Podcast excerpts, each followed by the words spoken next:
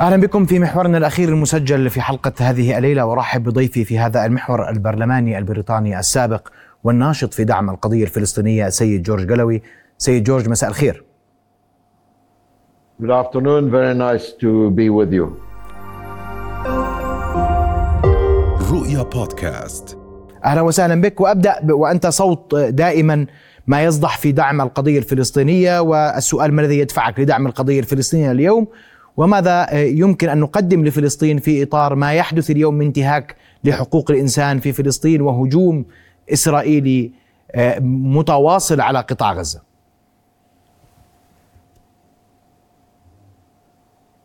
Well, I'm not really hearing the translation well, but I think I get the gist of your question. Uh, the catastrophe, the Nakba, which is going on in front of our eyes, if we look hard enough, at least, uh, is uh, distressing and causing great stress and strain uh, throughout the world. Uh, of course, the first price is being paid by the people in Gaza, in Jerusalem, in the West Bank. Uh, but the second price is being paid, I think, throughout the Arab world. The stress and the strain and the danger uh, that this all places on the Arab political structures and system of governance uh, should not be underestimated. Uh, of course, uh, some countries are stronger than others. Some countries are more able than others. Some countries are more willing uh, than others. But it calls into question uh, the whole meaning of an Arab nation, uh, the whole meaning of an ummah. Uh, if uh, no one can do anything when one piece of the body is being savaged to pieces and its youngest uh, members, its babies and children, are being routinely massacred, uh, several per hour massacred. More than 10,000 children in 10 weeks have been massacred, and that's just the children, it's just the ones we've dug out from under the rubble. Uh, so no one should underestimate the gravity, uh, the scale of this crisis for everybody. استاذ جورج اليوم الجميع يتحدث عن امكانيه ايجاد مخرج عادل وحل عادل ودائم للقضيه الفلسطينيه وهناك اختلاف بماهيه هذا الحل العادل من وجهة نظر الطرفين الفلسطيني الذي يعتبر أنه يدافع عن أرضه ويريد حقوقه كاملة غير منقوصة على أقل تقدير وفق القوانين الدولية والتشريعات الدولية.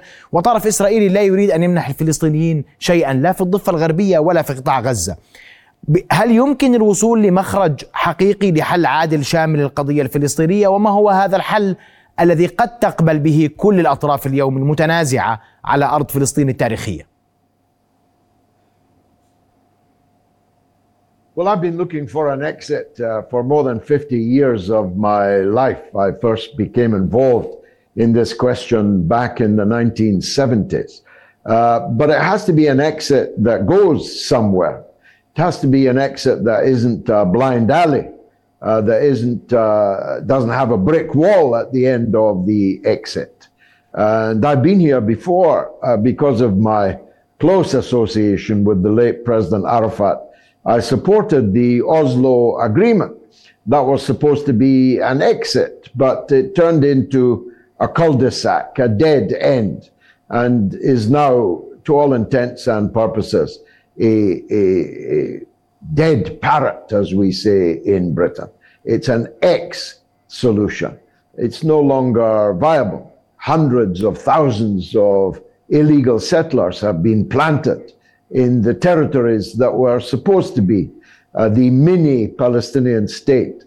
Uh, Gaza and the West Bank remain separated one from the other, and Gaza is now in the kind of ruins that Dresden and Hamburg and Berlin were in in 1945. So it's very difficult to see how you could breathe any life into that particular dead parrot.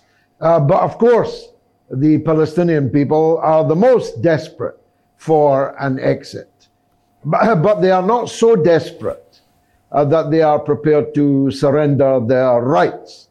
If we've learned anything in the last 75 years and more, it is that the Palestinians will never surrender their inalienable rights and they will never surrender their land, even if that piece of land is a refugee camp clinging to the edge of Palestine on the Mediterranean coast in what's called the Gaza Strip. So uh, I'm ready to support uh, any exit that is honorable and dignified and leads to a resolution uh, of this subject. But first of all, we have to stop firing. First of all, we have to get an immediate ceasefire and an end to the siege. The people in Gaza are literally starving to death. In fact, the all four horsemen of the apocalypse are rampaging through Gaza. We don't just have war, we have famine, we have pestilence, and now we have disease. That was the reason why Israel destroyed the healthcare system. It's why they destroyed the sewage system, the water system. They want an epidemic or multiple epidemics to sweep through uh, the Gaza Strip so they can thin out in that terrible Nazi phrase that one of their ministers used thin out the Gaza population, preferably until it is threadbare. So uh, the immediate demand must be for an immediate ceasefire and an end to the siege. Then we can convene an international conference to see what long term solution uh, we can find to this because we've been going through this for a very, very long time in Gaza. Uh, siege and war, invasion, uh, massive bombardment. This didn't begin on October the 7th. I myself was leading convoys into Gaza after such disasters. As far back as 2008, getting on for 20 years of siege and slaughter. نعم. أنت تحدثت عن عن عن هذه النقطة وسأعود لبعض تفاصيلها لكن قبل ذلك تحدثت عن موضوع وقف الحرب في في غزة، وقف العدوان على غزة. والسؤال أين المجتمع الدولي اليوم من كل ما يحدث في في غزة وكل ما يحدث في الضفة الغربية كل ما يحدث مع الفلسطينيين لماذا المجتمع الدولي يعيش حالة النكران الكامل لكل ما يحدث في قطاع غزة والضفة الغربية Well, the international community is not. If by that you mean the Western countries, who constitute 13% of the population of the globe, uh, of course, they are 100% behind Israel, even if they are now having some doubts, even if they are now having some second thoughts about just where Netanyahu is taking them. At the same time, they are supplying and, uh, and uh, transporting uh, the weapons that are murdering the Palestinian children. But it was always thus. Uh, these Western countries have always been uh, the prime supports uh, for the settler state of Israel, and that's because they are the parents of uh, the uh, Israeli state. They gave birth to it, and they gave birth to it for a purpose, and that purpose has been successfully uh, enjoyed by them for well over half a century. But the rest of the world, Latin America, Africa, Asia, uh, the uh, countries like China and Russia uh, are 100% opposed to what's going on in the Gaza Strip right now. So we should never buy the false thesis uh, that these people, Sunak, Macron, Biden, and so on, that they are the international community. They are not. Uh, they are vetoing the will of the international community uh, at the United Nations uh, several times uh, since October 7th. We'll see what happens in the latest uh, vote. But uh, the, bigger question for me, if you'll forgive me saying so, is what about the Arab community? Does Shab Arabi Wahad mean anything? Does the concept of an ummah mean anything? Does the concept of one language, one religion, do, do these things mean anything? And if they do, uh, when will we see the results of that? لكن لكن انا اتحدث عن الحكومه البريطانيه قليلا وهي متحيزه لصالح تل ابيب رغم امتناعها عن التصويت في الجلسة الأخيرة، الموقف الأمريكي مختلف هو موقف داعم فقط ولا ينظر للأمر بغير أن إسرائيل تدافع عن نفسها دون أن يذكر ال 75 عاما التي ذكرتها أنت من المعاناة الفلسطينية في ظل الاحتلال. هل هناك تفسير لهذا التحيز باستثناء أن من خلق هذا الكيان في هذه المنطقة هي هذه الدول؟ هل المصالح فعلا تنصب فقط اتجاه إسرائيل وليس هناك مصلحة مع الأمة العربية التي ترفض ما يحدث اليوم؟ Well, not only have they forgotten the 75 years of Palestinian suffering, they have forgotten what happened to them. Uh, there's a reason, you know, why the late Her Majesty the Queen never visited Israel. Never. Although she was everywhere else in the world, she visited more than 120 countries, but she never visited Israel. And there's a reason for that. The people running Israel now, the Likudniks, uh, the, the Jabotinsky tribe, are the people who were murdering Her Majesty's uh, subjects, officials, police officers, soldiers. Uh, during the British mandate, they talk about terrorism, but actually they invented terrorism. Uh, this uh, tribe of which Netanyahu is now the head, uh, they invented modern terrorism. And yet they talk about terrorism as if this was something foreign or alien to them. They were trying to murder Winston Churchill when he was fighting against Adolf Hitler.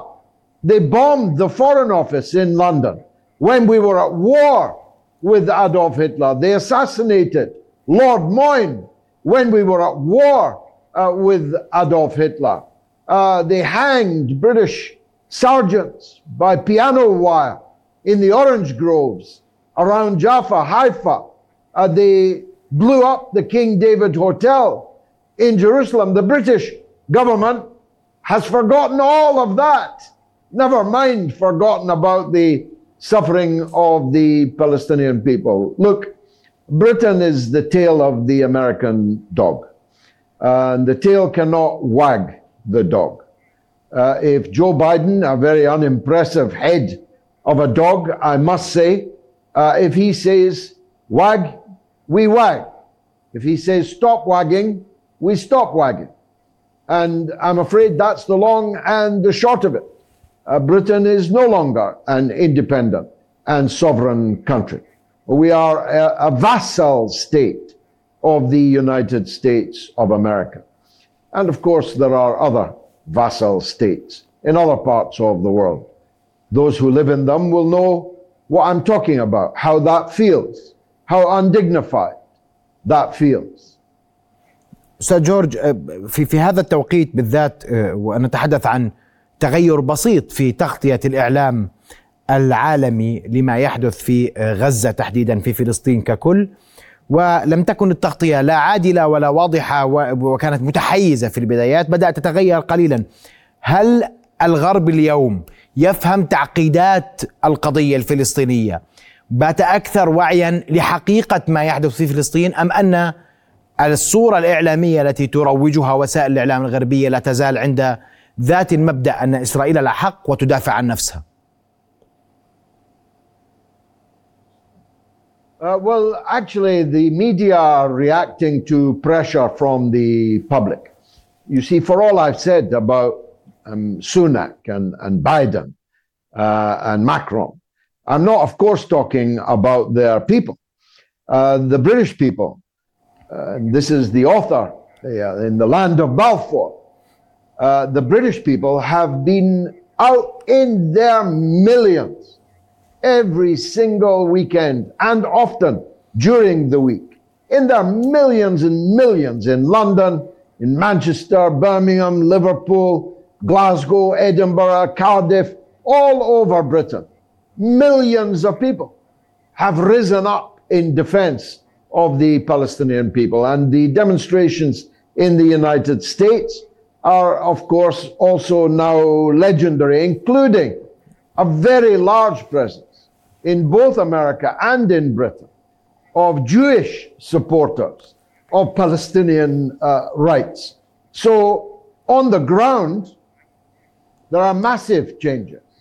And the media has to respond to those because we live in a world now, unlike the one in which I started out in politics, where more people don't watch mainstream media than do watch it.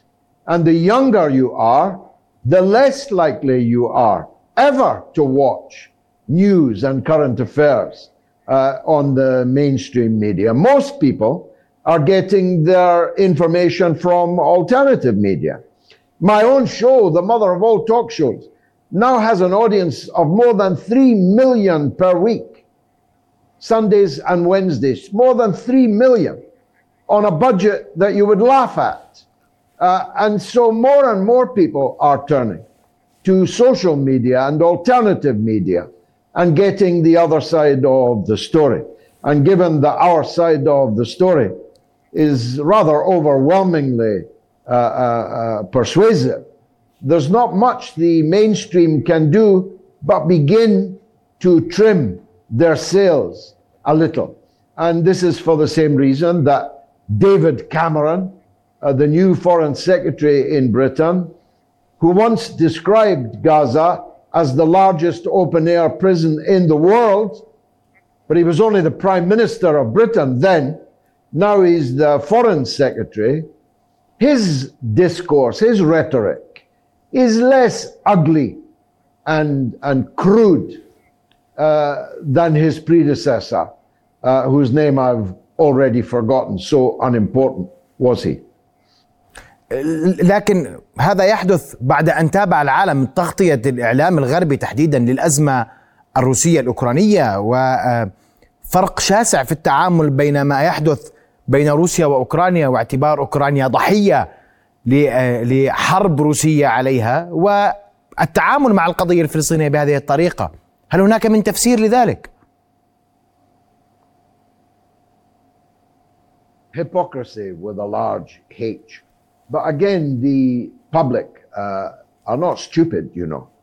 Uh, the, the public in Jordan are not stupid. The public in Britain are not uh, stupid. They can see through. Of course, there are many sheep uh, who will follow the sheepdog right onto the truck for the final journey.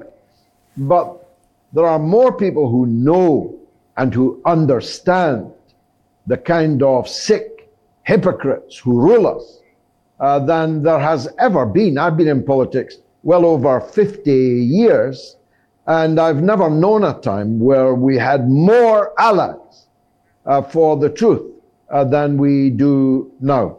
So, in the medium term, uh, I'm, I'm very confident that this will turn out to have been a large rock which uh, Netanyahu has struggled to lift only to drop it onto his own feet. Uh, but in the short term, thousands are dying, young children, their blood uh, running into the earth. It's intolerable, literally intolerable. Uh, as the father of six children, myself, by the grace of God, I cannot look at my own children uh, without seeing the children of Gaza uh, in their faces and, and, and vice versa. Uh, so, in the short term, we have to do something to bring about this ceasefire.